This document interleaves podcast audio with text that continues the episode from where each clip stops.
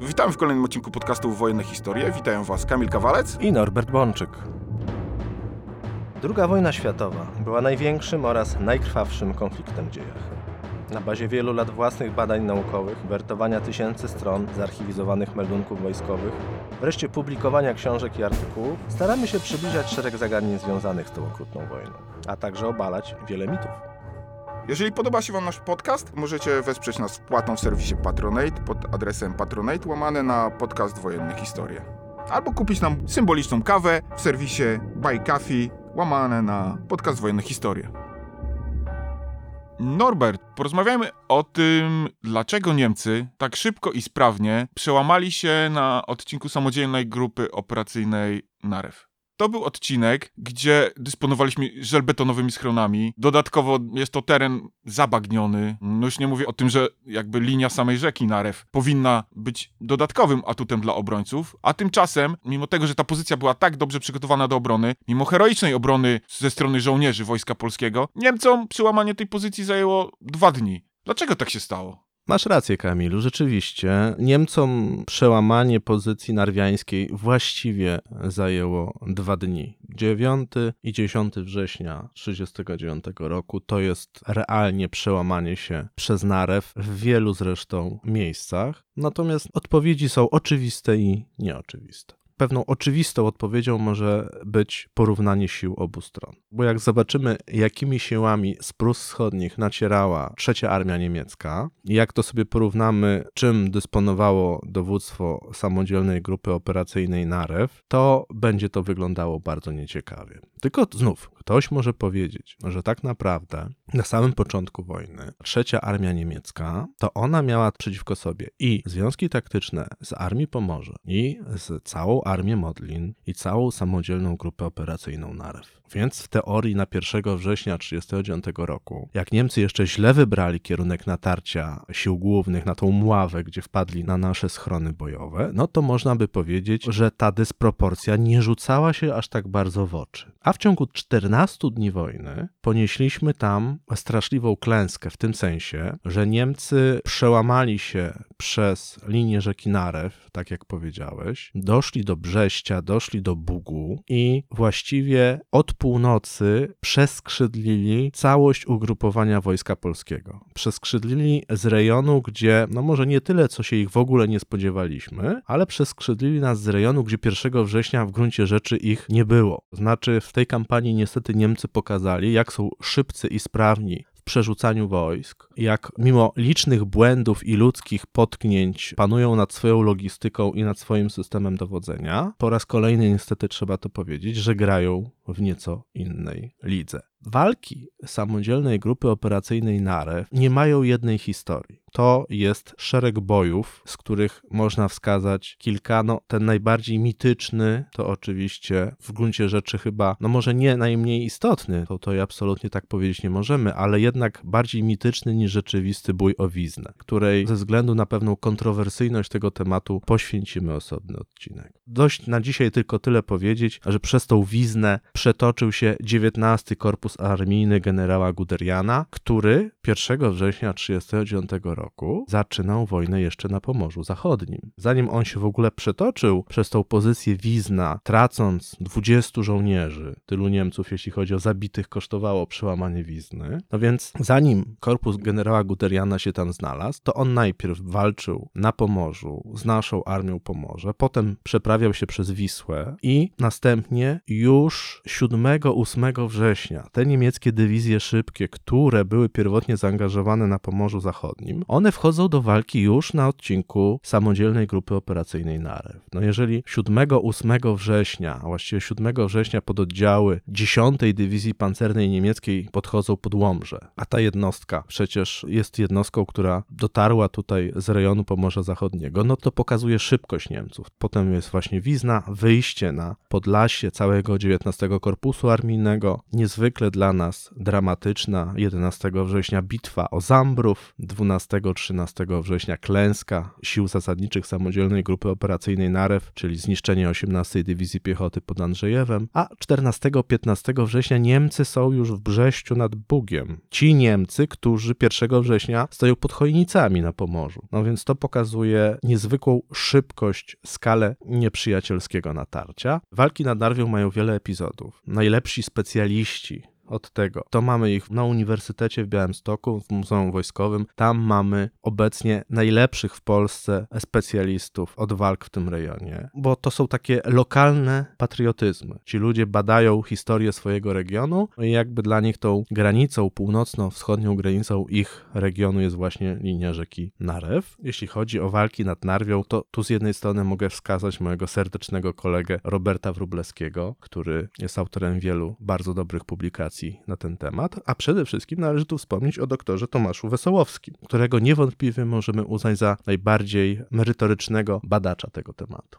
Ale czy tylko przewagą ilościową możemy wyjaśnić to, dlaczego Niemcy tak szybko przełamali się nad tą Narwią? Przecież pozycja ta dawała wojsku polskiemu na pewno duże oparcie przed tak poważnymi siłami jak nacierające siły niemieckie. No niestety, Kamilu, jak to w tym nieszczęsnym 1939 roku bywało, no nie tylko przewaga liczebna. Ostatnio miałem przyjemność być uczestnikiem konferencji naukowej, zorganizowanej m.in. przez właśnie Muzeum Wojskowe w Białymstoku, poświęcone walkom na linii Narwi we wrześniu 1939 roku. To między innymi wiązało się z wizją lokalną, z podróżą studyjną. Każdemu zresztą polecam jakby wycieczkę turystyczną nad linię Narwi, na przykład do miasta Nowogród, gdzie wzdłuż rzeki zachowało się w różnym stanie schrony bojowe naszej miejscowej pozycji, którą myśmy w 1939 roku właśnie wznosili. Między innymi właśnie w czasie tej niedawnej konferencji ja i inni uczestnicy mieli okazję na przykład wysłuchać prezentacji doktora Wesołowskiego właśnie na temat naszych walk, walk obronnych bezpośrednio na linii rzeki Narwi, właśnie w Nowogrodzie, w oparciu o miejscowe schrony żelbetowe, które tam decyzją Wojska Polskiego zaczęto wznosić od wiosny roku 39.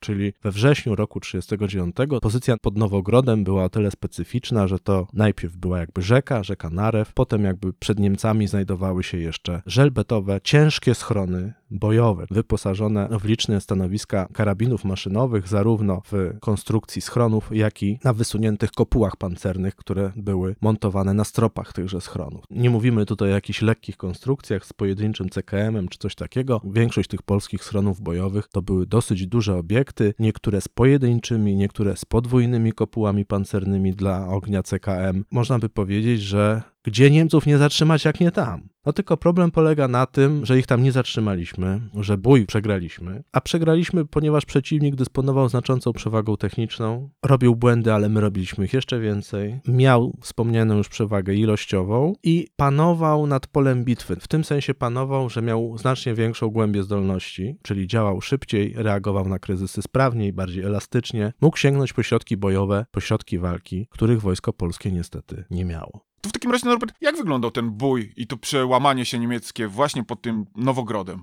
To zanim może jeszcze przejdę do samego Nowogrodu, informacyjnie o kilku sprawach jednak powiedzieć trzeba. Myśmy północną granicę naszego państwa, spodziewając się wystąpień z Prus Wschodnich ofensywnych nieprzyjaciela, no myśmy postanowili naszą granicę wzmocnić przez fortyfikacje polowe. Czy to pod Mławą, czy właśnie na linii rzeki Narew zaczęto wznosić różnego rodzaju i różnego typu schrony żelbetowe. Nad Narwią w dużej mierze właśnie schrony ciężkie. Tylko problem polegał na tym, że to czyniono niezwykle późno. To znaczy właściwie latem 1939 roku i gdy 1 września 1939 roku wybuchła wojna, to ta pozycja umocniona na linii Narwi była właściwie jeszcze jednym wielkim placem budowy i pozycja nowogrodzka również. To było tyle istotne, że na przykład na północnej stronie rzeki nie wszędzie dokonano wycinki lasów, zadrzewień, które się tam znajdowały. To jest bardzo istotne, dlatego że zatrzewienia las pozwalał nieprzyjacielowi, który nacierał z północy, podejść skrycie do linii rzeki.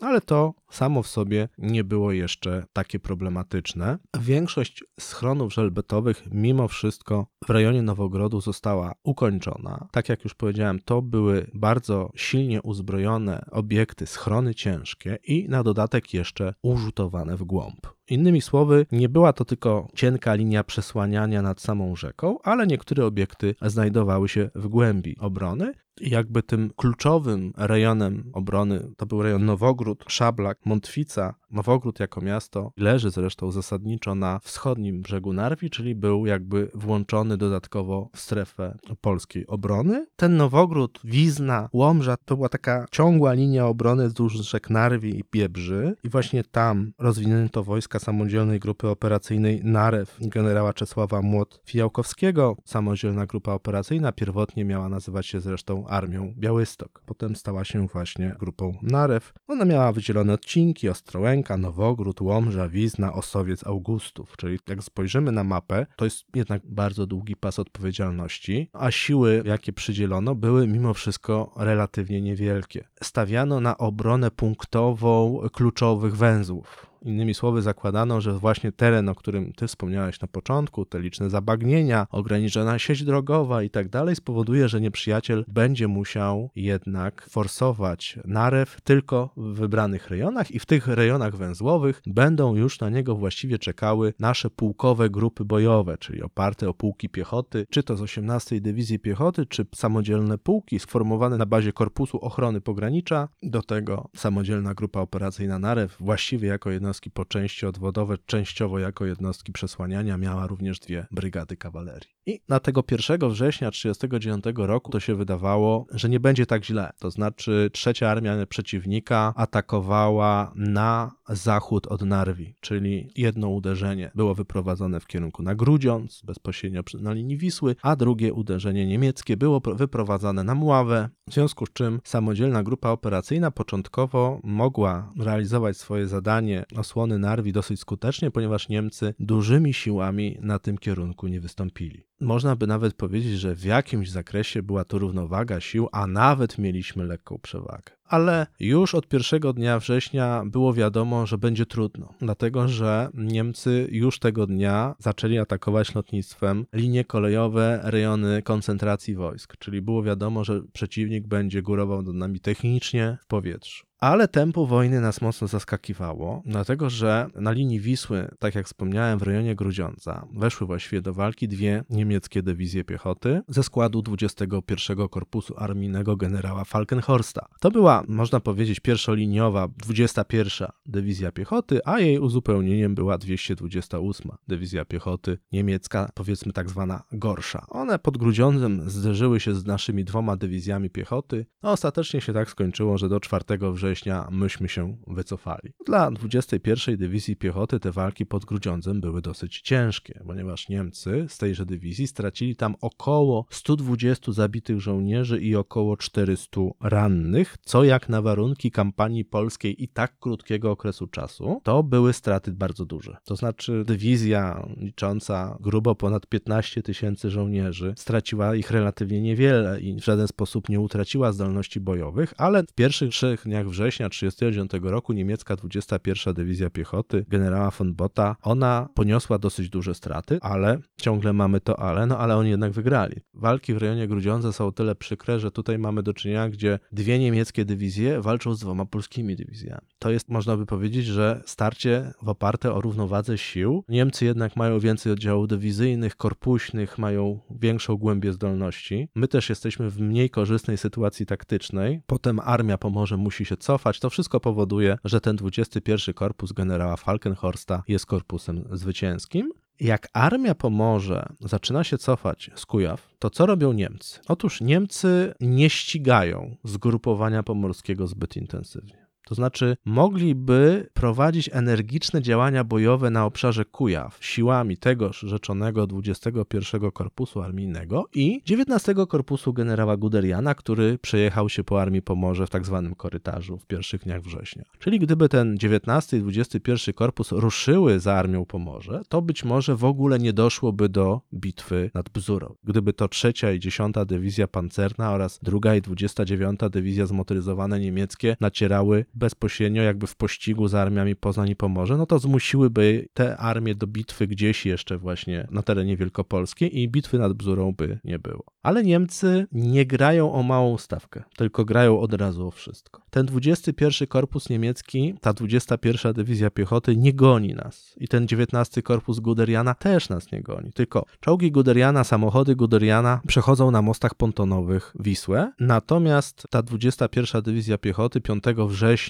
dostaje pod tym Grudziącem rozkaz, że ona ma się wycofać z powrotem do Rzeszy, zostanie załadowana do pociągów, razem z grupą Guderiana zostaną rzuceni właśnie nad Narew w rejon Łomży, w rejon Nowogrodu, w rejon Wizny. Czyli Niemcy chcą dokonać tymi nowymi siłami głębokiego przeskrzydlenia o charakterze strategicznym, ponieważ chcą obejść ze skrzydła całe ugrupowanie wojska polskiego. Kiedy armia Modlin jest uwiązana w walki z trzecią armią niemiecką, z tymi siłami pierwotnymi i jeszcze na linii właściwie ujścia Narwi, gdzie i tak Niemcy tą trzecią armią idą do przodu, to jednak Niemcy chcą zrobić nam takie podwójne kleszcze. Dodatkowe siły dostaje trzecia armia i ona będzie wykonywała bardzo głębokie obejście naszego ugrupowania. Celem jest sforsowanie Narwi, potem Bugu, wyjście jakby na wschód od Warszawy, porażenie nas w obszarze Podlasia i Polesia. A czy z naszej, polskiej strony udało się rozpoznać ten manewr niemiecki? No nie, no tego manewru niestety nam się nie udało rozpoznać, bo żeby go rozpoznawać, musielibyśmy posiadać lotnictwo o charakterze operacyjnym. Mówię o lotnictwie rozpoznawczym. Czyli musielibyśmy mieć analog niemieckich eskadr dalekiego rozpoznania, które latały na dwumotorowych bombowcach w wersjach rozpoznawczych. No jako żywo w naszym lotnictwie czegoś takiego nie było. Owszem, pojedyncze misje tego rodzaju przeprowadzały załogi bombowców Łoś, również na terenie Rzeszy ale to były incydentalne przypadki, nie miały one charakteru systemowego. No Niemcy mieli takie rozpoznanie lotnicze, my nie. Potem te rajdy tego 19 Korpusu Armijnego generała Guderiana, który tam z tej Wizny będzie nacierał, zajmie Zambrów, zajmie Czyżew, dojedzie do Siemiatycz, to wszystko 10-11 września, to spowoduje, że nasze karasie będą latały, szukały, rozpoznawały tego przeciwnika, pogubimy się troszeczkę. Powiem w ten sposób, żołnierz często walczył heroicznie, czasami dezerterował i uciekał, jak to ludzie różni są, natomiast systemowo nad tą Narwią nasze wojsko przyciśnięte zaczęło się niestety rozpadać. My zorientowaliśmy się, że Niemcy wzmocnili gwałtownie trzecią armię w Prusach Wschodnich o kilka nowych dywizji, w tym szybkich, i rzucili je na nasze skrzydło dopiero jak Niemcy zaczęli tą narę forsować i jeździć nam po tym Podlasiu, tymi czołgami i samochodami. Dopiero w tym momencie żeśmy się zorientowali, że oni mają taki rozmach operacyjny. Nie spodziewaliśmy się tego w żaden sposób, ale ten rozmach operacyjny, bo się tak często właśnie mówi, że dywizje pancerne, dywizje zmotoryzowane, że to jest ten rozmach operacyjny. Ale jak spojrzymy na tą 21. dywizję piechoty niemiecką, która owszem, częściowo tabory ma zmotoryzowane, ale częściowo są one konne, a żołnierz idzie piechotą, no to się okaże, że taka dywizja piechoty też jest niezwykle mobilna na poziomie operacyjnym. No bo tak jak powiedziałem, oni 1 września idą na ten Grudziądz. Znajdują się w tym rejonie tego Grudziądza do 5 września. Rankiem 5 września ta 21 dywizja piechoty dostaje rozkaz, że ma się cofnąć i ma przemaszerować do Prus, do rejonów załadowczych. To im zajmie cały dzień na piechotę. Wsiadają w pociągi, muszą się przemieścić do centralnych Prus Wschodnich, a potem po wyładunku z pociągów jeszcze w ciągu całego dnia zająć nowe pozycje do walki. I oni się rozładowują w rejonie Pisza. Od 7 września i podchodzą pod Narew 8 czyli ta sama dywizja piechoty pojawiła się na dwóch odrębnych obszarach operacyjnych, stoczyła ciężki bój w rejonie Grudziądza z naszymi jednostkami, potem została przerzucona koleją i zostaje wprowadzona do nowej walki, nie za bardzo nawet się orientując, co ma przed sobą, bo Niemcy 8 września dochodzą do Nowogrodu, tą 21 dywizją piechoty i dowódca dywizji, sztab dywizji nie za bardzo wie, co się za tą Narwią znajduje. Wiedzą, że jest miasto Nowogród, mają zadanie sforsować rzekę Narew, przełamać pozycję przeciwnika, i nacierać dalej. I zupełnie dla siebie w sposób niespodziewany natknął się tam na nasze ciężkie schrony żelbotowe. Czyli Niemcy przed kampanią wrześniową nie rozpoznali tej umocnionej pozycji. No widzisz, to jest taka historia dokładnie jak z Westerplatte. No bo Niemcy rozpoznali. Tylko pytanie, jacy Niemcy? No bo wywiad rozpoznał oczywiście to, że Polacy budują pozycję umocnioną nad Narwią, rozpoznał to, do tego nie dało się nie zauważyć, że budujemy wielkie, potężne, żelbetowe schrony z kopułami pancernymi nad rzeką. To wywiad niemiecki jak najbardziej sporządził odpowiedni raport, uwaga, Polacy na linii rzeki Narew stawiają schrony żelbetowe. Taki sam raport, inna komórka Wehrmachtu, w tym wypadku Kriegsmarine, sporządziła raport, uwaga, Polacy na Westerplatte budują schrony żelbetowe. I potem jak kompania marynarki 1 września szła do natarcia na Westerplatte, to nikt w niej nie wiedział, że tam są jakieś schrony. A jak 9 września ta 21 Dywizja Piechoty uderzyła za Narew i spotkała te schrony bojowe, to też uległa zdziwieniu, bo nikt w dywizji o tym nie wiedział. Chodzi o to, że armia niemiecka w roku 1939 była doskonałą machiną wojenną, ale nie była idealna. I to, że wywiad coś ustalił, to nie znaczy, że dowódca określonego związku taktycznego dostał na czas odpowiednie dossier. I w tym konkretnym wypadku było tak, że 21 Dywizja Piechoty została zaskoczona. Zaczęła forsować narew i dostała się pod ogień ze schronów żelbotowych, co stanowiło dla nich totalne zaskoczenie. W związku z czym wywiad zadziałał dobrze, ale przepływ informacji już nie. Takich przykładów jest zresztą bardzo wiele. Mówi się często o czymś takim, że jest coś takie pojęcie mgłę wojny, że no, wojna przynosi wiele zaskakujących zdarzeń, wcześniej przyjęte plany rwą się, trzeba elastycznie reagować. I nasz problem w 1939 roku polegał na tym, że my w tej mgle wojny za łatwo się gubiliśmy, bo mieliśmy wątły aparat dowodzenia i wymiany informacji. Natomiast Niemcy potrafili z tej mgły wojny, z tej mgły walki wyrwać się, to znaczy popełnić błędy, błędy, ale potem szybko je naprawić. I niestety coś takiego właśnie możemy zobaczyć na linii rzeki Narew pod Nowogrodem, właśnie w czasie walk w rejonie Nowogród, Szablak, Montwica, gdzie nieprzyjaciel po ciężkim marszu, bo toczy bój, potem tych żołnierzy gonią do pociągu, przerzucają do tego Pisza, rzucają do tego Nowogrodu, oni maszerują, maszerują, z marszu przystępują do forsowania dużej przeszkody, trudnej przeszkody wodnej, jaką jest rzeka i nagle natykają się na schrony żelbetowe, rozegra się ciężki, dwudniowy zasadniczo bój o nie, ale Niemcy je zniszczą i przejdą po nas, a im dłużej ta walka będzie trwała, tym będzie dla nas gorzej wyglądać. W takim razie jakimi siłami dokładnie broniliśmy się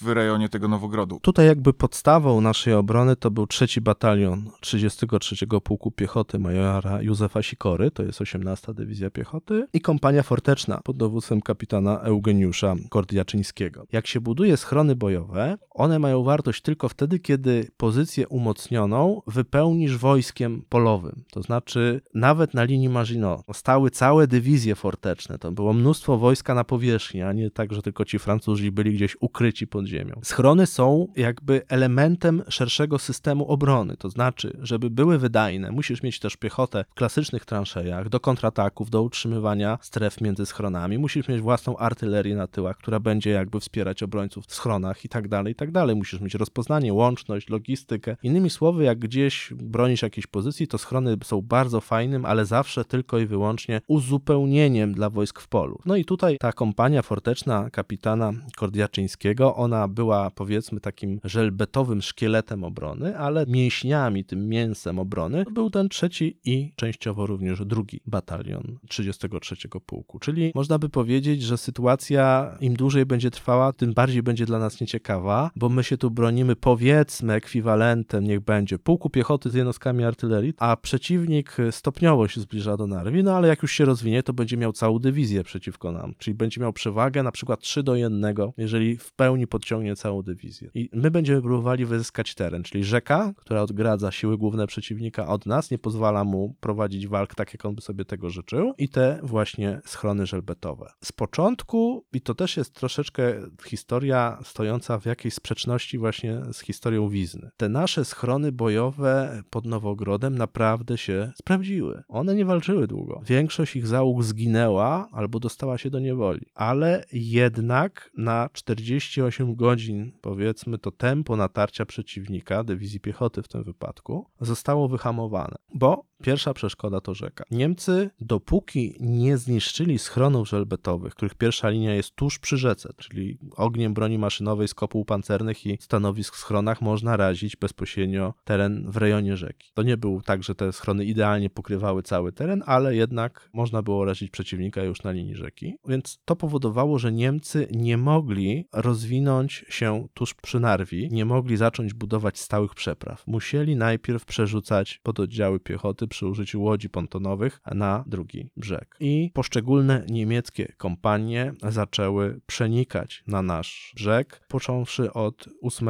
września roku 1939, ale tak naprawdę to zasadnicze uderzenie niemieckie, ono wyszło 9.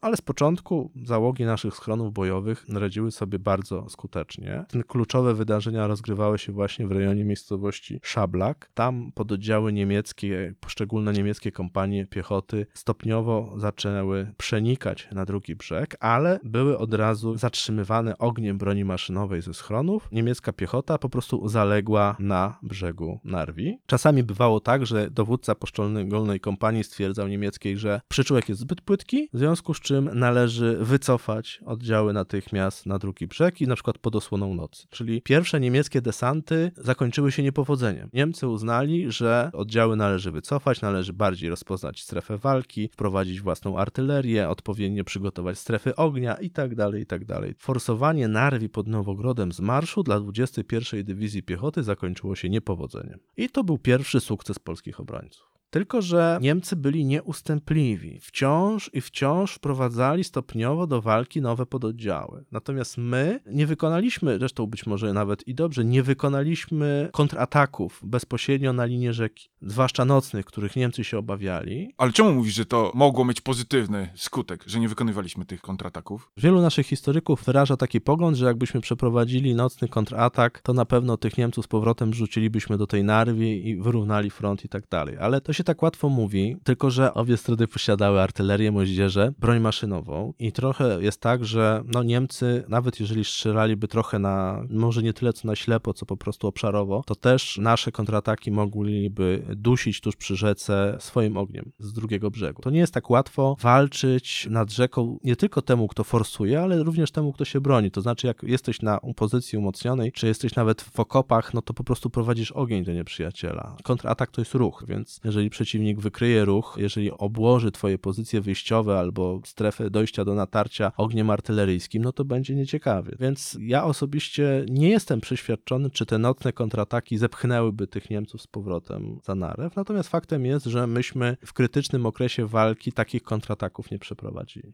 Niemcy byli trzymani pod ogniem schronów żelbetowych naszych, pierwszej i drugiej linii oraz okazjonalnie ostrzeliwani przez naszą artylerię. Natomiast jakby zasadnicze siły 33 Pułku, one po prostu utrzymywały tę pogłębioną pozycję polową i było troszeczkę tak, że Niemcy złapali oddech, mieli możliwość walki z pojedynczymi schronami bojowymi. Zaczęli stopniowo, krok po kroku je izolować, niszczyć lub obezwładniać i stosowali tutaj wiele różnych metod. Zasadnicza było tak, że myśmy mieli schrony, które ogniem broni maszynowej raziły ich piechotę. Ta piechota nie mogła się przemieszczać, za bardzo ruszać, musiała w martwych strefach ognia naszych schronów przeprawiać się przez narew, potem za bardzo nie mogła z tych bardzo płytkich przyczółków tuż nad rzeką poderwać się dalej do natarcia, no to Niemcy zaczęli stopniowo podciągać artylerię. Oni zaczęli podciągać artylerię tuż na linię rzeki. Pierwsze podciągnęli armaty przeciwpancerne, PAK 3,7 cm,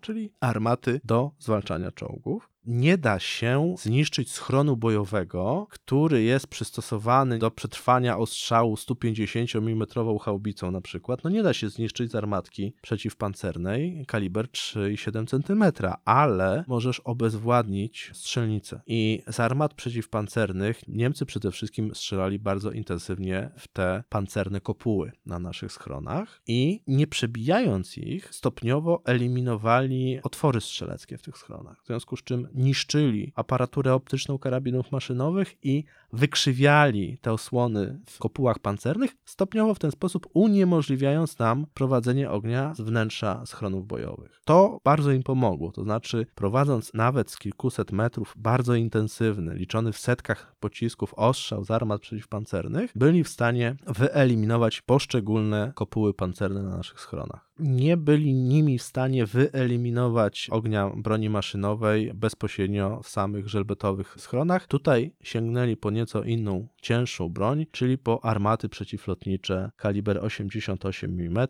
te sławne 8,8, które potem również będą sławną bronią przeciwpancerną. W roku 1939 Niemcy już do tych armat posiadali amunicję przeciwpancerną i taką też amunicją oraz pociskami odłamkowo-burzącymi z tychże ciężkich armat zaczęli do naszych schronów pod Nowogrodem strzelać. Ktoś powie, e, że pocisk armaty 88 mm to nie może wyrządzić szkody żelbetowej konstrukcji, ale jak kilka armat przez kilka godzin wystrzeli kilkaset pocisków do takiego schronu, mimo braku formalnego przebicia, aczkolwiek przebicia też się zdarzały, ale mimo braku formalnego przebicia, kompletnie taki schron zdemolują to znaczy obezwładnią kopuły pancerne na stropie i zniszczą wszystkie otwory strzeleckie, popsują otwory wentylacyjne, drzwi i tak dalej, takie obiekty. Pod Nowogrodem w paru przypadkach było tak, że bardzo intensywny ostrzał niemiecki prowadzony na wprost tych schronów z armat ciężkich powodował, że żelbetowe okapy, nawisy, które znajdowały się nad stanowiskami strzeleckimi tych schronów, one się kruszyły, urywały, spadały w dół, blokując stanowiska karabinów maszynowych.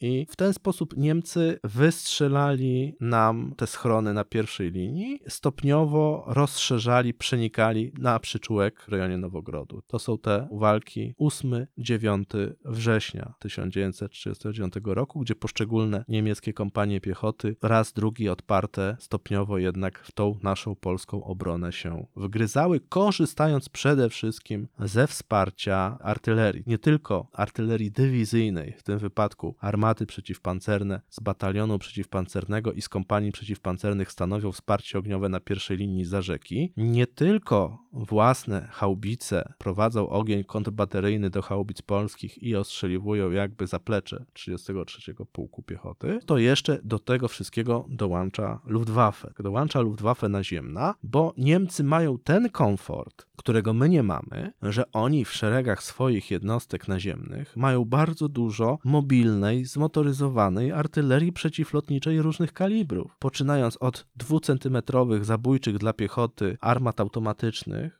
przez 37 mm armaty, powiedzmy analog dla naszych Boworsów, a kończąc właśnie na tych ciężkich działach kaliber 88 mm, które są holowane przez ciągniki półgąsienicowe i niemiecka piechota, nie mając nawet na formalnym etacie takiej broni, może z niej skorzystać, bo dowódca korpusu może przekazać taki pododdział dowódcy dywizji, oczywiście przy zgodzie Luftwaffe. Aczkolwiek walki pod Nowogrodem zaskoczyły Niemców bardzo, dlatego że stwierdzili, że to są bardzo trudne, ciężkie walki.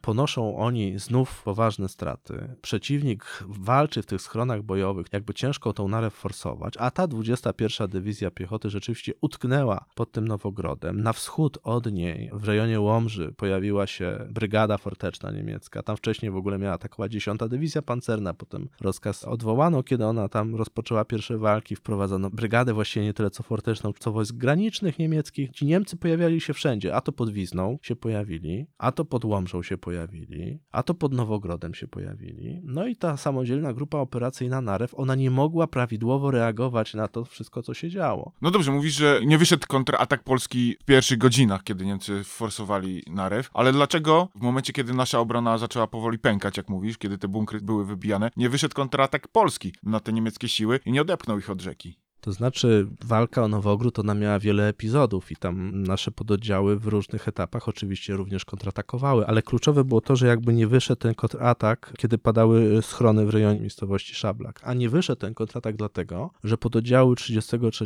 Pułku Piechoty, będące jakby urzutowane w głąb, one zostały porażone przez niemiecki nalot na Nowogród, czyli interwencja niemieckiego lotnictwa, która nie była może bezpośrednio korzystna dla 21 Dywizji Piechoty w tym sensie, sensie, że te bombowce niemieckie bombardujące i palące Nowogród nie zburzyły tych schronów na pierwszej linii, ale one poraziły częściowo nasze zaplecze. Wielu żołnierzy 33 Pułku Piechoty nie wytrzymało nerwowo tego nalotu, po prostu opuściło swoje stanowiska, a dowódca co najmniej jednej kompanii, który próbował ich zatrzymać, zginął w czasie tego nalotu. Czyli żołnierze uciekają z okopów, bo bomby sypią im się na głowę, dowódca próbuje ich zatrzymać i w tym momencie sam ginie od odłamka bomby. Czyli ten niemiecki nalot jednak w sposób zasadniczy pomógł 21 Dywizji Piechoty czyli znów Niemcy wprowadzili do walki element, którego my nie posiadaliśmy. Oni mogli wezwać swoje lotnictwo, bombowce horyzontalne i mogli porazić cel obszarowy. Może nawet jeżeli to nie były takie naloty super skuteczne, jak w przypadku, nie wiem, sztukasów, że one by celowały w pojedyncze schrony, tylko to był nalot bombowców horyzontalnych, ale to nie zmienia faktu, że on poraził duży obszar i sparaliżował pełne, sprawne funkcjonowanie 33 Pułku na obszarze. Więc to jest kolejny element, że Niemcy mają przewagę techniczną i okazują ją po raz kolejny. Czyli najpierw mają przewagę techniczną, bo mają dużo różnego rodzaju armat, które mogą wprowadzić. My mamy karabiny maszynowe w schronach, a oni mają armaty przeciwlotnicze lotnicze, którymi to armatami te schrony zaczną rozwalać. My mamy mimo wszystko całkiem nieźle użytowaną obronę, a oni wprowadzają lotnictwo, które to obronę nam rwie. Oni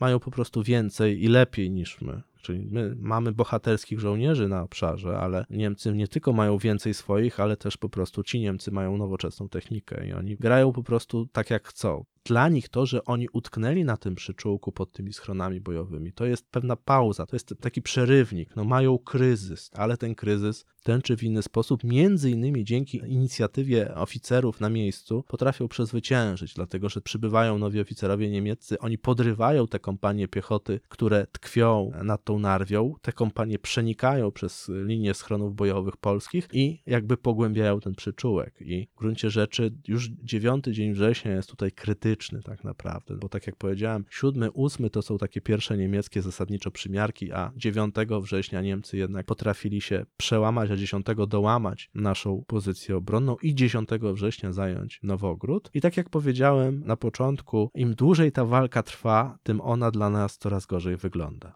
A dlaczego ono właśnie nabiera takiego niekorzystnego dla nas obrazu? A dlatego, że jakby Niemcy przebijają się na północny wschód od Łomży. Przenikają przez linię naszych schronów żelbetowych i zaczynają już zagrażać drodze Nowogród-Łomża. Wyrwali się z przyczółka. I ten 10 września to my już sobie zdajemy sprawę, że pod Nowogrodem jest źle. Reagujemy z pewnym opóźnieniem. My zaczynamy ściągać elementy 42 Pułku Piechoty 18 Dywizji Piechoty. Ale to już jest 10 września właściwie to jest trzeci dzień walk i Niemcy mają już pod tym Nowogrodem całą dywizję i już przełamali się przez nasze schrony. Mają rozwiniętą artylerię. Mają dużo piechoty już na dużym przyczółku. Nasz 33 pułk, choć nie cały, on jakby się chwieje. 42 pułk dostaje rozkaz wykonania przeciwuderzenia, czyli ma zlikwidować przełamanie polskiej obrony pod Szablakiem no cóż można powiedzieć, na rozwiniętego przeciwnika w 1939 roku nasze przeciwuderzenia, one często kończą się niepowodzeniem. I 42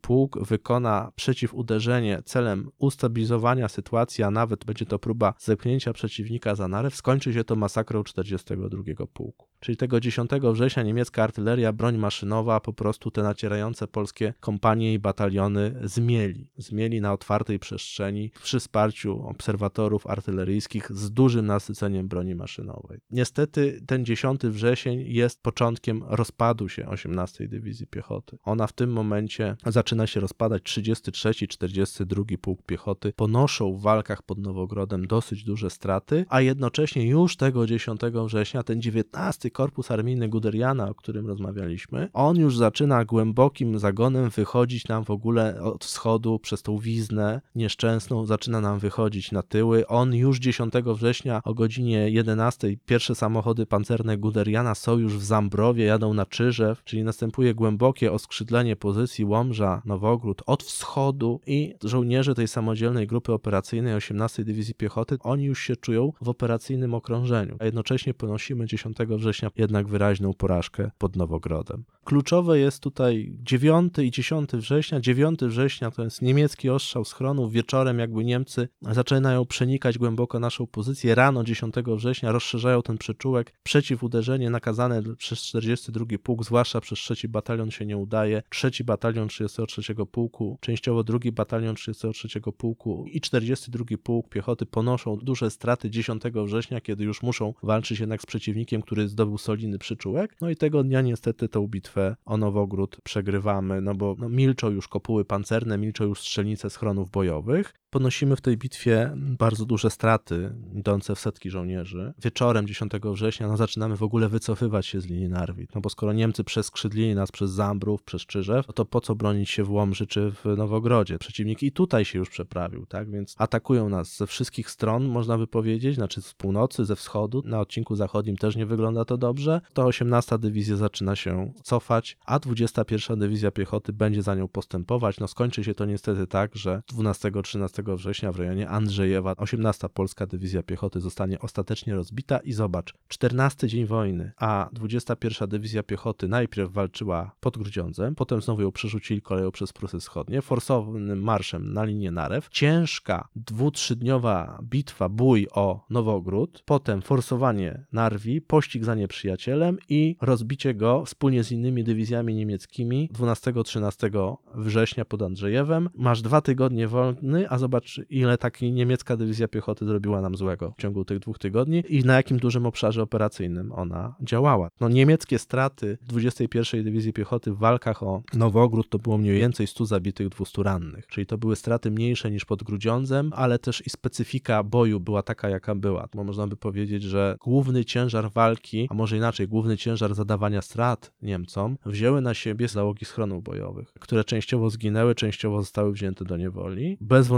wykazując się wielkim bohaterstwem, no ale wytrzymałość człowieka ma oczywiście swoje granice. Po obezwładnieniu strzelnic, po obezwładnieniu kopuł pancernych, niektóre z tych załóg po prostu tam tkwiły, dopóki jakby Niemcy ich nie zmusili do wyjścia. W warunkach walki, ostrzału, kto z takiego schronu wychodził, to na ogół ginął. Jeżeli tak chcemy podsumować ten bój o Nowogród, to on jest o tyle dla nas przykry, że no bez wątpienia żołnierz polski wykazał tam dużo wytrwałości, a nawet wielu żołnierzy wykazywało bohaterstwo, ale systemowo my nie byliśmy w stanie wyzyskać nawet tego, że przeciwnik wyszedł na naszą pozycję umocnioną polowe, na umocnienia polowe, których się nie spodziewał, a mimo to w ciągu 48 godzin był w stanie je przełamać, sforsować rzekę, zdobyć miasto, pobić 33 i 42 Pułk Piechoty, a potem w kolejnych dniach rozwinąć pościg za 18 Dywizją Piechoty. Wnioski takie sumaryczne z szerszej perspektywy no, są dla nas bardzo, bardzo niekorzystne. To jest po raz kolejny przyczynek do rozmowy, dlaczego Wehrmacht tak szybko pokonał wojsko polskie we wrześniu 1939 roku i nawet kiedy mamy no, taki przypadek, taki jest studium przypadku jak Bujonowogród, to też jakby wiele nam mówi, dlaczego tak się stało. No, my nie mogliśmy podciągnąć na linię rzeki armat przeciwlotniczych tego rodzaju, bo mieliśmy ich w wojsku garstkę tylko. No, nie mogliśmy zbombardować przeciwnika taką ilością samolotów, jak on nas zbombardował i jednak 33 Pułk Piechoty nie miał takiej artylerii, jak miała 21 Dywizja Piechoty. Wreszcie koordynacja natarcia 42 Pułku nie była właściwa w stosunku do tego, jakimi siłami, a zwłaszcza jaką siłą ognia dysponował nieprzyjaciel, mimo że ten nasz kontratak, on wyszedł prawidłowo, tak, że przyszedł meldunek, że w nocy z 9 na 10 września i 10 września rano nieprzyjaciel uzyskał przełamanie, sforsował narew i rozszerza przyczółek, kontratakować, tak, więc można by powiedzieć, że decyzja była słuszna, a wykonanie było jakie było. Mam wrażenie właśnie, że przez takie przypadki, jak mówisz, przez takie studium przypadku, chyba najlepiej właśnie widać ten wniosek, który tutaj zawsze wysnuwamy przy okazji odcinków o kampanii wrześniowej, że jednak po prostu byliśmy słabsi. Co na tym przykładzie widać chyba najlepiej. Także Norbert, dziękuję Ci ślicznie i do usłyszenia. Dziękuję bardzo. Dziękujemy za to, że byliście dzisiaj z nami. Czekamy na uwagi o tym odcinku zarówno na Facebooku, jak i na Instagramie, jak też i na YouTubie. Wszędzie tam możecie nas znaleźć wpisując naszą nazwę, czyli Podcast Wojenne Historii. Dziękujemy Wam bardzo również za wsparcie, jakiego udzielacie nam w serwisie Patronate. To dla nas niesamowita sprawa i daje nam to niezwykłego kopa do dalszego działania. Bardzo za to dziękujemy i do usłyszenia do następnego odcinka.